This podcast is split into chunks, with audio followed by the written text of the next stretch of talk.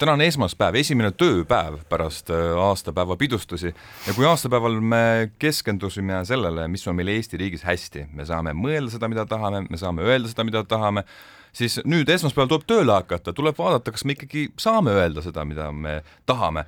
Ja nädalapäevad tagasi oli mm, Eesti meedias äh, esikülgedel selline kaasus, kus äh, Pärnu sadama korvpallimeeskonna peatreener Gert Kullamäe ütles podcastis midagi, kritiseeris kohtunikke ja kohtunikele see ei meeldinud ja kohtunikud tegid talle tuhat eurot trahvi.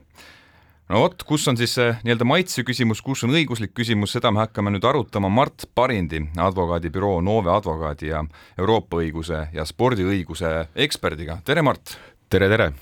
ma saan aru, et sina oled selle kaasuse nüüd üksi pulgi läbi arutanud ja oskad meile öelda, kust algab õigus ja kus lõpeb selline maitse ma,, maitse? oh jah, eh, nagu õiguslikud asjad ikka, siis eh, on seegi üks selline eh, äärmiselt detailiderohke kupatus, aga, aga kui seda nüüd kuskilt otsast arutama hakata, siis ma võib-olla kiiresti meelde tuletan mõned põhilised faktid, kuigi ka hea saatejuht seda, seda tegi, siis, siis kogu loo iva on põhimõtteliselt selles, et, et pärast seda, kui Pärnu Sadama korvpallimeeskond kaotas ühe, ühe mängu Eesti-Läti ühises korvpalliliigas, kõige napimalt muuseas Äh, läks äh, Pärnu meeskonna peatreener Gerd Kullamäe oma podcasti, Pihtas põhjas on selle nimi või õieti oli, nad nüüd loobusid selle tegemisest pärast seda, kui nad trahvi said. äh, ja, ja võttis seal kriitiliselt sõna. see oli selline irooniline tiraad, võiks öelda, kaksteist minutit see kestis, keegi mõõtis selle niimoodi ära ja, ja noh, kuigi pealispinnal ta niimoodi justkui ülistas neid kohtunikke, kes seda mängu teenindasid, siis tegelikult oli see ju mõeldud eh, kriitikana. ja, ja mõnda aega pärast seda siis eh, tuligi teadaanne selle korvpalliliiga tehniliselt komisjonilt, nagu seda nimetatakse, et Pärnu sadamat on trahvitud eh, tema peatreeneri väljaütlemiste eest tuhande euroga ja, ja nüüd ongi siis läinud suur trall lahti, kõik arvavad sellest midagi ja ja, ja on noh su, su, suured küsimused õhus, et kas, kas õiguslikult on ka see selline trahvimine pädev, et noh, mina olen seda nüüd uurinud, mitte et ma vähemalt tänase seisuga siin kedagi ühtegi osapoolt esindaks, aga, aga minu, minu isiklik hinnang vähemalt e-, etteruttavalt on see, et, et et juriidilisest vaatest on see trahv ikka, ikka väga-väga savijalgadel, jah mehed, ma küsiks teilt mõlemalt, mina ei ole selle teemaga jätkuvalt väga kursis, aga mis see siis oli lõpuks, mida ta ütles, et eh, ma, ma saan aru, et eh, ta ütles, ütles midagi, eh, siis erinevad ju saated, erinevad raadiokanalid, kõik hakkasid seda arutama, just eriti ma ütleks ka teiesugused võib-olla eksperdid, spordi, spordihuvilised. mida ta siis ütles lõppude lõpuks? ma tahaks ka oma hinnangu anda. ja vot seda ongi päris keeruline niimoodi kahe lausega kokku võtta, sest et see trahvi aluseks olnud episood, ütleme siis niimoodi, see, see, see, see saatelõik oli päris pikk, aga no laias laastus see kõlas umbes niimoodi, et, et äh, Gerd Kullamäe siis noh, tõesti irooniliselt äh, ülistas neid kohtunikke, et oh, superpartii, äh, lööme käsi kokku, täpselt nii peabki tegema, täpselt nii peabki vilistama ühe mängu lõpus. kui mina saaks, oleksin kohtunik, siis ma teeksin täpselt samamoodi ja no ühesõnaga sellised, siis ta tõi mingeid halekoomilisi paralleele veel reaalelust, et kuidas, kuidas ühed inimesed võiksid oma igapäevastes toimetustes käituda, noh, mis tegelikult olid absoluutselt sellised ebamõistlikud teguviisid ja ütles, et vot täpselt nii peabki üks asi käima ja ja see siis tingiski selle trahvi, jah. aga põhiseaduses on meil kirjas äh, põhimõtteliselt sõnavabaduse printsiip ja ma saan aru, et nüüd on meil üks seltskond, kes äh, võib trahvida millal iganes ta soovib. no vot, äh, ega, ega see päris nii kindlasti ei ole, et, et noh, tõsi on see, et selle liiga reglemendis, mis on siis no ühe korvpalliliiga selline nii-öelda alusdokument, tinglikult võttes selle liiga põhiseadus, see, see ütleb, et et tõesti, tehniline komisjon võib teha meeskonnale trahvi, kui mõni selle meeskonna liige äh, meedias äh, liigat kahjustada võival moel halvustab äh, kas siis kohtunikke või, või teisi mängijaid klubisid, eks ole, et noh, iseenesest selline trahvikoosseis on seal olemas ja noh, ütleme niimoodi printsiibis teoorias ei ole see ka äh, noh, kuidagi üdini paha, eks ole. aga, aga küsimus on jah seda, et kuidas seda õieti siis äh, noh, reaalselt kohaldada ja, ja noh, ütleme, et kuigi, kuigi minu silmad, ma pean tunnistama, ei ole seda trahviotsust näinud ja mina räägin nii-öelda avalikult kättesaadava informatsiooni baasilt, mida on tänaseks kogunenud juba üpriski palju, sest kõik osapooled on siin avaldusi teinud ja, ja sõna võtnud, siis noh, vähemalt vähemalt mulle näib, et äh, tehnilise komisjoni kõneisik pole, pole meedias sõnagagi peatunud küsimusel, et, et kuidas need Kullamäe äh, ütlused siis äh, võisid kahjustada liigat, punkt üks. ja hästi kahtlane on ka see, et, et, et kas need, need tema remargid olid siis tõesti noh, nüüd niivõrd halvustavad, et need väärisid lausa, lausa trahvimist kui äh, Gerd Kullamäe nüüd pöörduks äh, kohtusse, ma ei tea muidugi, kas ta on seda mõelnud juba teha, siis äh, juriidilises vaates, kui, kui edukat lendu ta võiks sealt üldse oodata, et ta seal võidu saab selle otsuse üle? Jah, no nüüd hakkab selline tüüpiline advokaadi jutt siin, et no nii ja naa ja sihuke fifty-fifty ja et, et tulemust ei saa kunagi garanteerida, aga ausalt öeldes noh, mina puhtalt nüüd tõesti oma isiklikku arvamust avaldades, mina arvan, et sellel, sellel edasikaebusel oleks äh, täitsa, täitsa lootust, äh, sest tõesti, ma arvan, et siin on äh,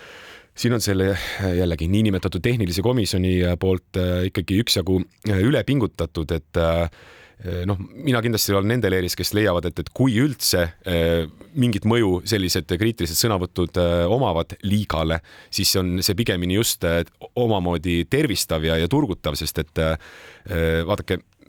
sport, äh, ma arvan, ja spordilee on oluliselt kasulikum see, kui me ei toimeta siin sellises nagu kliinilises raamatukogu õhkkonnas, et, et ma ei tea, tuleme kokku, teeme asja ära, pärast rohkem ei räägi, nagu perearsti vastuvõtt, midagi ülimalt rutiinset. spordil ongi kasulik see, kui, kui on sellist äh, ažiotaaži, kirge, konflikti, erinevaid narratiive ja noh,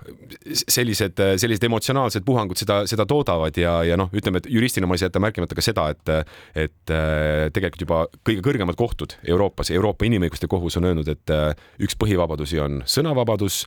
sõnavabadus kaitseb ka irooniat, satiiri, muuhulgas ideid, mis on solvavad, šokeerivad, häirivad. Ja et õigustada sõnavabadusse sekkumist, peavad need kaal-, põhjused olema ikkagi äärmiselt, äärmiselt kaalukad. Valdkondade üleselt see põhimõte kehtib, ma saan aru, et äh, trahvijate nii-öelda mm, esimene mees siis, Atso Matsalu, kohtunik, on mõista andnud, et Kullamäe ei peaks üldse podcast'i tegema. kas äh, Atso Matsalul on üldse õigus öelda, mida Gert Kullamäe võib ja või ei teha? Vot jah, kui mina neid, neid ridu äh, lugesin meedias, siis, siis mind ennast ka kohe torkas, tead, kuigi, kuigi ei ole mina mingisugune Gert Kullamäe eestkostja või niimoodi, aga aga no juristina äh, ma näen, et siin kuidagi soovitakse tükkida sellise nii-öelda lausa põhiseadusliku järku eneseteostusvabaduse mängumaale. et äh, kui üks äh, kui üks korvpallitreener seda tahab, siis äh, minu poolest äh, või mitte ainult minu poolest, vaid ka, vaid ka Eesti õiguskorra poolest tehku, tehku poliitilist stand-up'i kudumisklubi või, või andku loenguid esoteerika alal, et, et noh, kui seni, kuni ta ei lähe ühegi seaduse või lepinguga vastuollu, siis, siis tõesti tehku mida iganes ja, ja kellelgi ei ole sellist noh, moraalset ega õiguslikku alust öelda, et, et keegi ei peaks midagi tegema. see, et, et kui kui kohtunikkonda korvpallivilemehi äh, äh, kuidagi häirib, et, et mõni, mõni korvpallitreener käib, äh, käib oma podcast'is oma meelsust avaldamas, siis noh, see on nagu noh, nende isiklik probleem.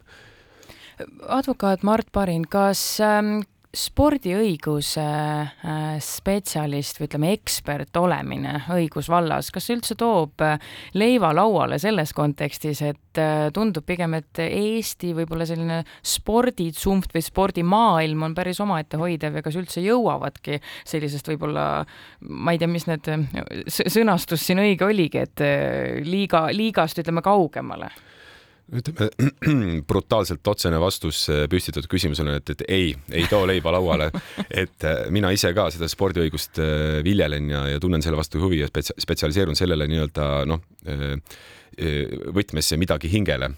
kui, kuivõrd olen suur ja paadunud spordifänn, et, et leiva lauale toovad ikkagi mingisugused muud sellised argisemad, mingisugused majandus- või, või äärivaldkonna teemad. aga,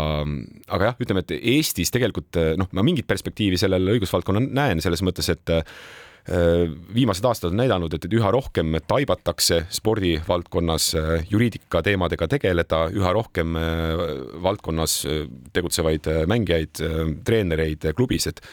mõistavad juriidika olulis olulisust ja, ja see viib neid ka üha enam advokaatide juurde. minu arust alles hiljuti kui ma nüüd ei eksi, ma vabandan, kui ma selle faktiga eksin, aga vist oli see EOK peasekretär Siim Suklas, kes ütles ühes intervjuus eelmise aasta lõpus, et tema pole äh, EOK uste vahelt nii palju advokaate kunagi sõelumas näinud, kui, kui nüüd viimastel aegadel, sest et noh, tõesti tullakse sinna üha enam oma õigusi advokaatidega kaitsma. aga äh, miks need advokaadid seal käivad, et mis on need viimased olulisemad kaasused, mida sa oled ka ise võib-olla kuidagi uurinud? Vot äh, siin ma tegelikult jään ikkagi vastuse mõnevõrra võlgu, sest et äh, need EOK sellised majasisesed mingisugused vaidlemised ei, ei jõua avalikkuse ette, neid hoitakse kiivalt nii-öelda konfidentsiaalne, konfidentsiaalsena, ma arvan, mis on ka õige. et, et võib-olla kui keegi kuskilt linna vahelt midagi kuuleb, siis noh, siis nii on, aga, aga noh, mõned asjad, mis siin on meediasse ka jõudnud, noh näiteks hiljaaegu vaidlesid siin laskesuusatajad omakeskis, et et, et kes küll peaks äh, saama koondisesse, mis alustel, äh, millised peaksid olema lepingulised suhted äh, alaliidu ja, ja sportlaste vahel ja ja, ja noh, sellist tüüpi asjad, et kus, kus lihtsalt on millegipärast suusad risti läinud ja, ja siis oleks vaja nagu lepitust leida kas selline juhtum nagu näiteks nüüd Anna Levandit tabas ju ka skandaal, kas selline asi kuulub ka konkreetselt spordiõiguse alla või ta pigem on lihtsalt äh, täiesti tavapärane tsiviilkohtu case? no ma arvan, et me võime ta spordiõiguse valdkonna alla lugeda küll põhjusel, et noh, nagu nimi spordiõigus ka viitab, see on, tegemist on õigusharuga, mis tegeleb spordiga seotud küsimustega. et, et kahtlemata ka sellised äh, sportlase, treeneri vahelistest suhetest võrsunud asjad sinna alla langevad ja, ja spordiõigust, noh, kui vanasti teda muuseas ei peetud selliseks eraldiseisvaks õigusharuks, leiti, et see on selline mingisugune kunstlik tuletis. tänapäeval üha enam usutakse, et, et spordiõigus on a real thing, nagu inglased võiksid öelda, päris asi, just nimelt põhjusel, et et, et sport on ikkagi sedavõrd spetsiifiline valdkond, et, et neid regulatsioone, neid situatsioone tuleb tõlgendada väga-väga spetsiifiliselt, et võib-olla võib-olla mõned asjad, mis päris noh, jutumärkides päriselus, muus elus käivad kuidagi ühtemoodi, need spordivaldkonda transleeruvad natukene teistmoodi, teise nurga alt, et noh, tõepoolest me peamegi mõistma, et kui me räägime tippsportlase kasvatamisest, mitte et ma õigustaksin nüüd kuidagi kärkimist, füüsilist väärkohtlemist või midagi säärast, ma, räägin täitsa üldiselt, mitte kuidagi noh, ei heida kuidagi Anna Levandile hetkel midagi ette, sest ma ei ole lihtsalt selles positsioonis, et seda teha. aga, aga noh, need, need on erilised äh, kuidagi suhted, et äh, noh, tõesti enese viimse piirini piitsutamine ja need on natuke teised lood. Äh, Pariisi olümpia on tulemas suvel ja kui vaatame natukene laiemalt äh, maailmas ringi, siis ma saan aru, et Kaster Semenya on selline noh, selline sportlane, kes on alati pakkunud arutelu inimestele ja, ja, ja tema on ka kohtus, tema küsimust on kohtus arutatud. on seal nii-öelda laiemas maailmas mingisuguse, mingisuguseid juhtumeid, mis on sinul enda, endale põnevad? no vot jah, puudutas nüüd kiirelt seda Kaster Semenya kaasust, siis, siis tänasele kuulajale teadmiseks, et õige pea või noh, mine sa nüüd võta kas õige pea või mitte, kohtuveskid jahvatavad aeglaselt, aga, aga mingil ajahetkel on Euroopa Inimõiguste Suurkojast, mis on siis noh, selle kohtu selline kõige suurem areen, oodata ühte väga-väga tähtsat kohtulahendit, mis puudutab niinimetatud soo küsimust spordis. noh, me, me teame, et tänapäeval on üha aktuaalsemaks muutunud see, kes kuidas ennast identifitseerib, on ta nüüd mees, naine, keegi kolmas, äh, mingi vahepealne variant, siis äh, noh, Kastre Semenya, kes